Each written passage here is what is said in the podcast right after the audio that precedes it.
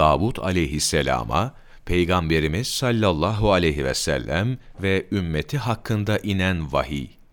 Davud aleyhisselama, Peygamberimiz ve ümmeti hakkında şöyle vahyedilmiştir. Ey Davud! Senden sonra sadık ve seyyid bir peygamber gelecektir ki, onun ismi Ahmet ve Muhammed'dir sallallahu aleyhi ve sellem. Ben ona hiçbir zaman kızmam ve o da beni hiçbir zaman kızdırmaz. Ben onun bütün geçmiş ve gelecek kusurlarını bağışlamışımdır. Onun ümmeti de rahmete ermiştir. Nafilelerden peygamberlere verdiklerimin mislini onlara da vermişimdir.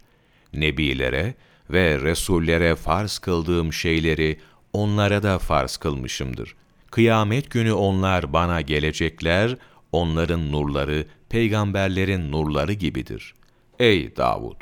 Ben Muhammed'i sallallahu aleyhi ve sellem ve onun ümmetini kendilerine verip başkalarına vermediğim altı hasletle ki bunlar yanılma ve unutmalarından dolayı sorumlu tutmamak, kasıtsız olarak işledikleri günahlardan dolayı benden mağfiret diledikleri zaman bağışlamak, gönüllerinden koparak ahiretleri için gönderdikleri şeylere hemen dünyada kat kat karşılık vermek, ahirette de onlar için katımda kat kat sevap biriktirmek suretiyle bütün ümmetlere üstün kıldım.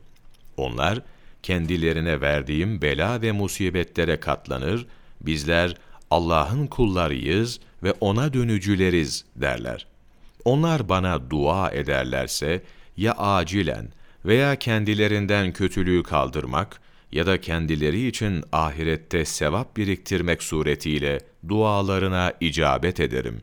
Ey Davud!